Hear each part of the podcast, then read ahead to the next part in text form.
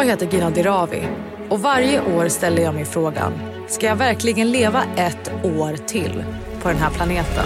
Programledaren och numera ansiktet utåt för andligt sökande, Gina Dirawi, sitter i en regissörsstol, mitt i ett vitt ingenting. I mitt huvud är världen ond, människor är onda, jag är ond. Och det värsta av allt är att jag har tappat tron på att det går att göra något åt saken. Men hon ger inga scenanvisningar. Snarare är hon desperat efter egna svar. Hon verkar söka någon som kan peka ut riktningen. Det är hon som behöver en regissör. Någon som vet vad som behövs i just det här skedet av Ginas film.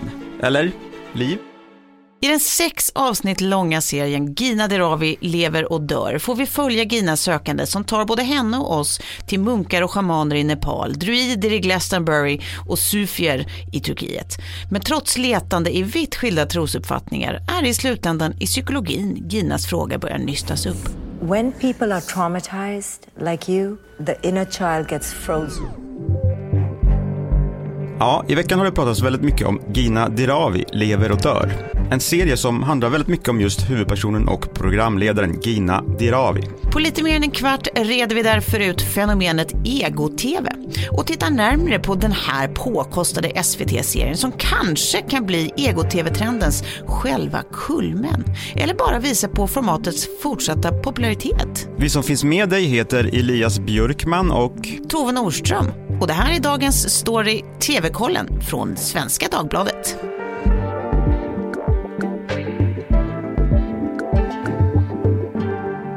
Ja, vi pratar alltså om eh, SVT-serien Gina Dirawi lever och dör. Och helt kort då, Gina Dirawi, vem är hon för den som inte vet? Mm.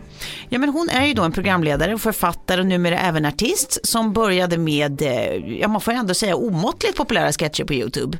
Sen blev hon ju inplockad på SVT och fick ett enormt genombrott som programledare för Melodifestivalen, gjorde hon väl tre gånger totalt. Hon var julvärd 2015 som den yngsta någonsin men drabbades av en, vill jag påstå, nästan ojämförlig hatstorm som konsekvens. Just det. Förmodligen för att hon som ung muslimsk kvinna skulle få tända det där lille kronljuset under Sveriges heligaste tv-stund. En ära för det mesta reserverad kristna gamle gubar. Men det gick ju bra. Det gick ju jättebra förutom då för Gina. Eh, för hatet. För hatet som det är en egen historia. Ja. Hon fortsatte dock med sina programledaruppdrag och hon gjorde massa galer och insamlingar och så gick hon över till TV4 en stund, co-hostade deras storformat Idol innan hon plötsligt pausade och så försvann hon ur rampljuset ett tag. Och när hon åter blev aktuell så var det både genom en bok hon hade skrivit och musik som hon hade ägnat tiden åt att skriva. Så när vi såg henne i rutan nästa gång så var det genom SVT-dokumentären Vad hände med Gina Dirawi? Och den handlade ju då just om hennes tid efter tidigare nämnda hatstorm. Nu har hon alltså släppt den här dokumentären om, lite slarvigt summerat, meningen med livet som vi ska prata om idag. Har du antecknat allt det nu Elias? Ja, men nu har jag det på pränt. Bra. Hur som helst, det finns ju till att börja med tycker jag, en kul spaning här, tror jag. Mm. SVT känns ju som att de vurmar enormt för program om just så här, meningen med livet eller hur man gör livet härligt eller hur man ska existera och vara lycklig. Gina är ju liksom inte den första som kommer dit som folklig profil och som gör det här. Vi minns ju såväl både Hanna Hellquists program Jakten på det perfekta livet 2012 och sen Hanna och Amandas program Ett härligare liv 2014. Anar vi ett mönster här? Ja, men det tycker jag. Men jag, jag skulle också gärna bredda det lite det är inte bara meningen med livet som avhandlas av kändisar, eh, utan genren är ju kändisar undersöker saker. Liksom. Ja. Och det rör ju då livsstil, ursprung, identitet oftast och mm. kanske politik. Det kanske hör ihop, vad vet jag. Och du har redan nämnt Hanna Hellquist, hon har ju haft fler program. Just det. Hon hade ju också ett program om sin barnlängtan. Mm. Adam Lundgren skulle av någon anledning visa oss eh, hur det går till med sociala medier för att eh, han hade inte Instagram. Så då mm. fick han vara expert på det, eller åka till Silicon Valley. Mm. Och Henrik Schyffert hade en gris hemma i vardagsrummet. Just det gick det. sådär att ha en gris i, mitt i stan i Stockholm. Och då skulle han väl för, typ kan han döda den här grisen och äta den sen då? När han, han har levt med den nära. Ja, han gillar ju jakt. Det var en ganska gullig gris. Ja, och sen finns det ju de som får göra alla program de vill om sig själva i tablå-tv-världen. Vad det verkar, är det inte så? Mm. Jag tror man kallar det Lex Gide. Mm. Nej, det gör man inte. Men från och med nu kanske man kallar det Lex Gide på grund av, eh, hej, hur många program om diabetes kan man göra egentligen?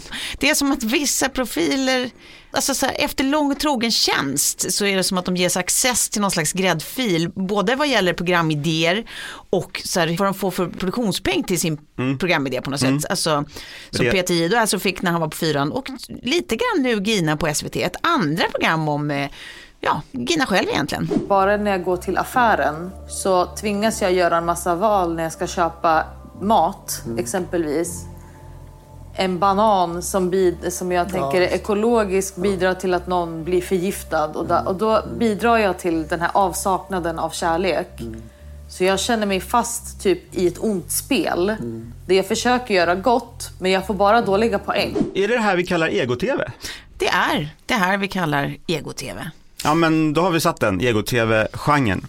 Då är frågan om vi, nu när vi har bestämt det här, har vi nu nått piken på ego-tv nu med detta kanske mest egocentrerade av alla ego-tv-program? Gina Dirawi lever och dör. Eller kommer trenden bara att fortsätta? Ja, men ska du börja? Vad tror du? Jag, först vill jag börja med att blicka lite bortom Svenska Dagbladets eh, redaktion. Eh, uppenbarligen är intresset fortfarande stort. Alltså det är väldigt eh, sökt på, om man kollar på Google Trends på programtiteln. Eh, jag har inte sett så många siffror ännu, men och det har ju varit en hel del skriverier faktiskt om den här serien och snack i olika poddar. Många verkar ha invändningar mot programmet.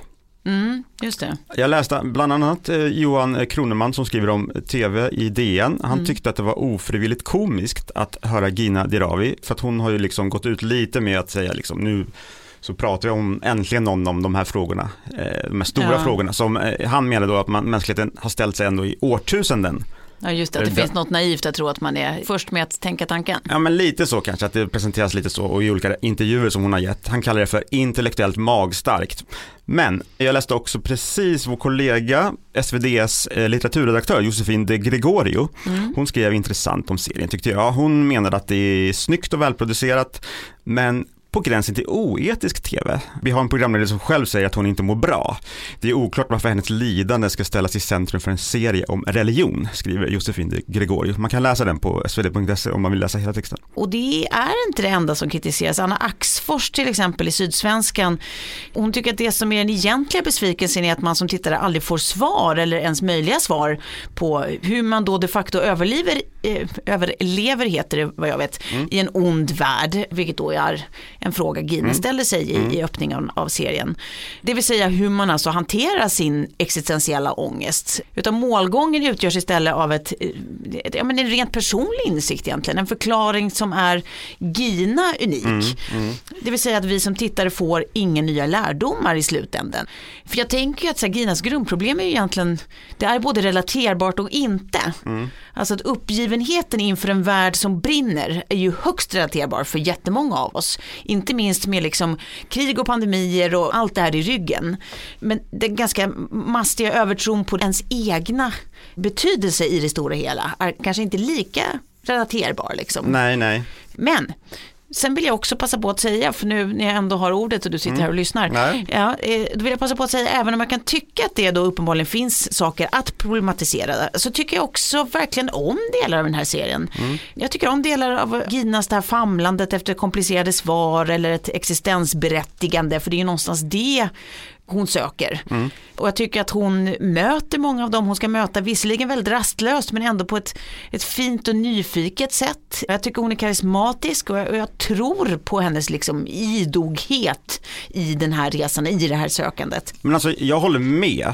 Gina är ju ett superproffs. Jag föll också för YouTube-filmerna när de kom. Jag ska säga att jag slapp titta på Mello för att jag tycker inte om Mello, men de YouTube-filmerna var ju festliga och som en av få så tyckte jag att hennes eh, comeback här på Guldbaggegalan var rätt kul. Ja, men, Men, det var eh, kanon. Med det sagt så gick jag in med detta och jag tror att du har helt rätt i att det inte är Gina som är problemet utan det är hur det är inramat och programmet är gjort. Mycket. Men min grundinställning är ju också det här med kändis-tv som vi redan har pratat om. Jag känner att ingen som söker seriösa svar på de här frågorna gör det liksom i ett infotainmentprogram på SVT. Gina har ju visserligen inlett det här arbetet på egen hand. Men jag kan liksom inte skaka av mig att det känns så himla ytligt, det här programmet. Jag tycker det är tråkigt. Jag får inga direkta lärdomar från de fyra första avsnitten då hon ju väl mest åker liksom jorden runt och försöker hitta svar på de här frågorna i olika trosuppfattningar eller eh, mystiker, Mm. olika avyttringar av de här religionerna. Men de två sista, där tycker jag att det blir intressant på riktigt när det liksom, hon får ju förståelse för sig själv på ett annat sätt och, och sin bakgrund och sin familjehistoria. Mm. Nej men så är det ju. Men, och samtidigt kan jag också tycka att så här, det är ju först där vi går från någon slags så här, eh, söka kanske några mer generiska allmänmänskliga sanningar till att eh, följa med på en högst personlig resa som bara är sann för en person, det vill Ja. säga Gina själv. Som eh, den Axfors där i Sydsvenskan var inne på också. Ja precis, men vi kan tycka olika. Så kan det vara. Ja, stämningen är elektrisk i studion visserligen, men absolut. Näven hänger i luften, inte min, men Men jag sparkar dig på smalbenet här. ja. Varför är det så dåligt att titta inåt? Därför att jag tror, det är lite en myt det där tror jag, att det finns liksom någon som jag egentligen är. Att det är mer som Per Gynt som skalar löken. Liksom. Det är skal efter skal, det finns ingen kärna i oss. Utan vi, Man tror inte det finns en kärna. Nej, jag tror att vi, jag menar, vi har ju personlighetstyper som är medfödda, men det har vi gemensamt med många andra. Det där att det finns en unik liksom, svar på frågan vem jag är. Det finns inget sånt svar. Så fråga dig vad du vill göra, med vem du vill göra det, snarare än att fråga dig vem du egentligen är eller ens vem du vill vara. Men eh, är det inte dags att vi släpper den här fixeringen vid ego-tv och jaget? Eh, Det tror jag vi börjar bli mogna för. Just det här med kändisar som gör den här infotainment-grejen Ja. som blir så himla ytlig och bara skrapar på ytan och så ska de lära sig något och så. Det kanske har nått sin peak. Ja, jag vet, jag vet, jag är inte så säker. Du kanske inte håller med mig, men det finns det faktiskt många som gör eh, den här gången. eh, bland annat eh, har vi då i SvD under våren kunnat läsa om just peakjaget. Just det. En artikelserie på Understrecket, det är ju SvD Kulturs essäsida. Som har funnits sedan, vet du, jag har absolut ingen aning. 1918. Ooh. Och i den här serien texter så utforskar bland andra Lena Andersson, Ernst Billgren och Anders Hansen. Liksom de frågar sig om vi har fått nog av individualismen och vad händer nu med jaget i vår tid? Just det. För vem är jag egentligen? Ja. Okej, det här är återigen filosofi för grundskolan kanske. Jag säger återigen för det känns som att Gina också är lite inne på det. Alltså en grundkurs i Mm, jag förstår. Ja. Men det här med att jaget, du vet, det är en konstruktion, det finns inte något sant jag som man föds med, liksom, som ska styra en, som det ofta pratas om. Att man ska på något sätt känna innerst inne vad man vill. Mm. Vad vill man ha? Vad tycker man om? Vem är man? Mm. Det är ingen ny tanke. Men i alla fall, jag fastnade för Anders Hansens understrecket essä. Just det. Han skrev om begreppet neuroexistentialism. Just det. det säg det tio gånger snabbare. Det- nej, det går inte. Som jag tror skulle kunna vara användbart för Gina. Det var användbart för mig.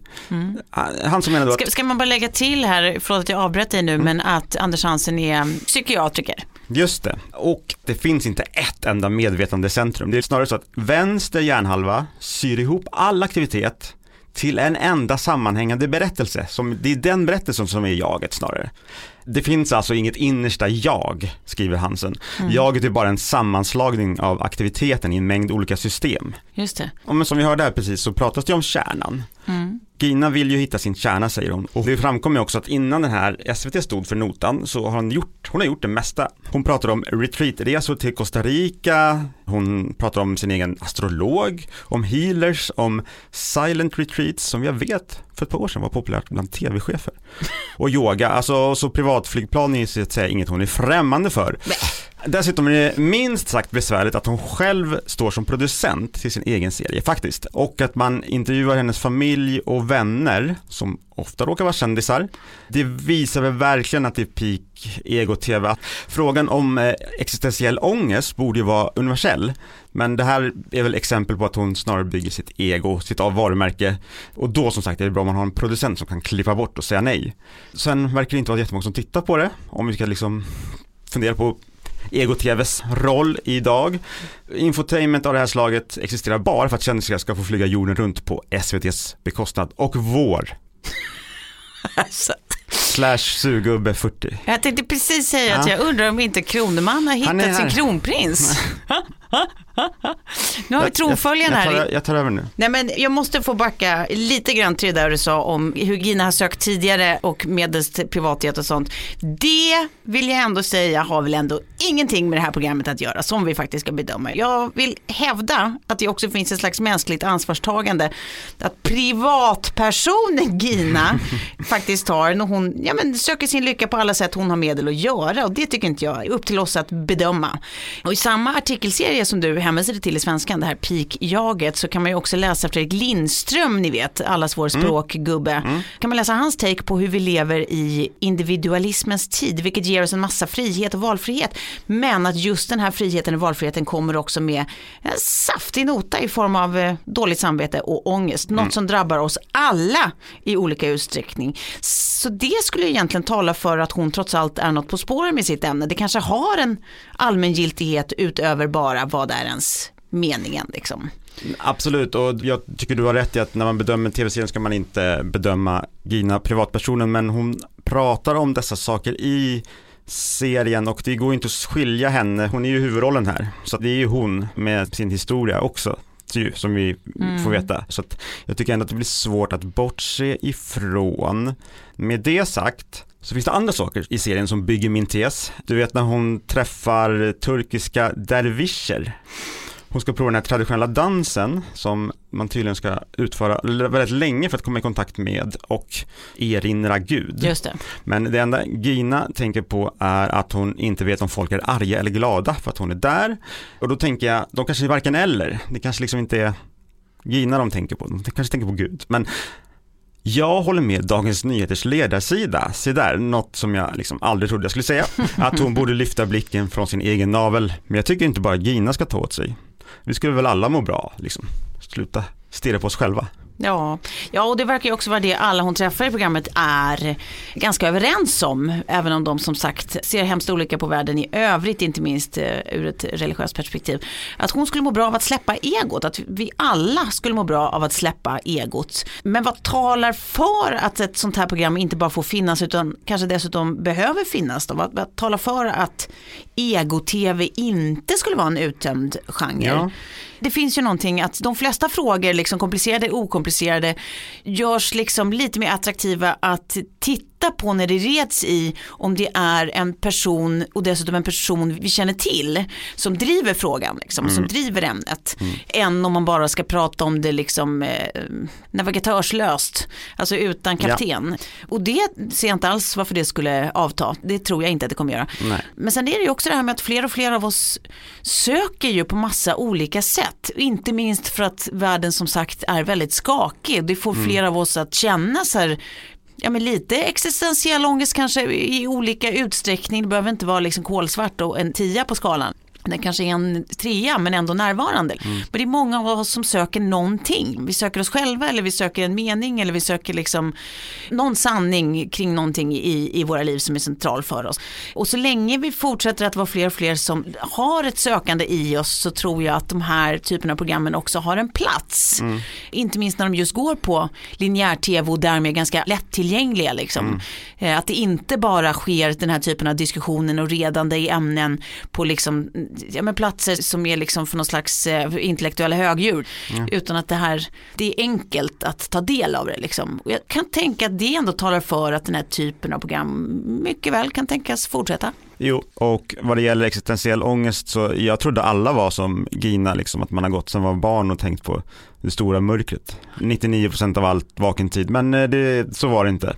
Jaha, nej, jag har aldrig tänkt den tanken. Men, eh, Men du, men många, många runt omkring mig. du har en positiv aura Ja, det kanske är det då. Än så länge. och det har jag också. Men vet du, vet du vad jag brukar göra då när jag eh, får sådana här mörka tankar? Då går jag in i SVDs arkiv. Jag tycker om att Ja. rota där. Det gör du. Och där så läste jag följande. Infotainment är ett nytt ord vi nog måste vänja oss vid. Det uttyds ungefär journalistisk underhållning. Och när Kanal 1 presenterade sitt höstutbud var just infotainment den senaste trenden. Och när tror du det här skrevs? Det är för några år sedan. Det här skrevs 1989, 30 år med infotainment. Så nu vänder vi blad. Tänk ett 30 år med någonting som Men- ändå känns så samtida. Ja, eller hur? Ja. Men vad händer sen då, om det här är piken? Och sen slaknar trenden. Efter ego-tv kommer, Eh, Altruist-tv. ja, Wow, vilken dålig idé. Men kanske någon slags gemenskaps-tv då? ja, Alltså inte som Ex on the beach gemenskap om du fattar vad jag menar. Mer som, Mm, inte riktigt ärligt talat, men ja. det var mer som så här, hjälp vi har köpt en bondgård-tv. Mindre blicka inåt och kanske mer inspirera till ett enklare liv med den skitiga handens kraft. Där satt den. Nu är vi framme vid det tråkiga som kan hända i det här formatet, det är att vi närmar oss slutet. Just det. Ja, men då är det ju å andra sidan the good news här, att eh, det är också själva kulmen av den här podden. Mm. Med andra ord, tipsen eller otipsen vi kallar binge eller blä och plötsligt händer det. Mm. Jag har sett något jag inte förmår mig att se klart. Du ser ju allt. Jag vet, men alltså säsong två av The Flight Attendant på HBO Max, det visar sig att jag prioriterar klipp på Facebook som folk sminkar sig fula i, liksom, om jag måste välja. Det är inte ett gott betyg. Så att, ja, det blir tyvärr veckans blä Veckans blä. The Flight Attendant. Men du, eh, jag tycker istället du ska slå på tredje säsongen av The Boys som finns på Prime Video nu. Den är smart, det är väldigt roligt och väldigt barnförbjudet eh, och det är en superhjältesatir Ja. om vad som händer när så här, övermänniskor löper amok. Allt är dränkt i mängder av slafsigt blod. Kul! Jaha, det borde jag väl ha anat när du gick igång, ja. Just det, slafsigt blod. Du har sett de andra va? Säsongerna? Eh, det har jag absolut inte. Men, Den eh, är jätterolig och bra och eh, det är en superhjälte som älskar färsk mjölk vilket är väldigt perverst och roligt.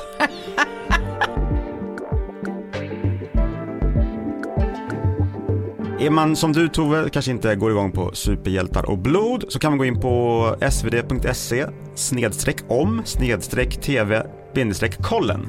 Och eh, där finns det fler tips och eh, artiklar och recensioner om tv-serier. Jajamän, det gör det. Nästa lördag är vi tillbaka. Om du har åsikter och tips så kan du mejla oss på tvkollen svd.se. Dagens program producerades av Klara Wallin och redaktör var Madeleine Levi. Klippen kommer från Gina Dirawi, lever och dör på SVT Play.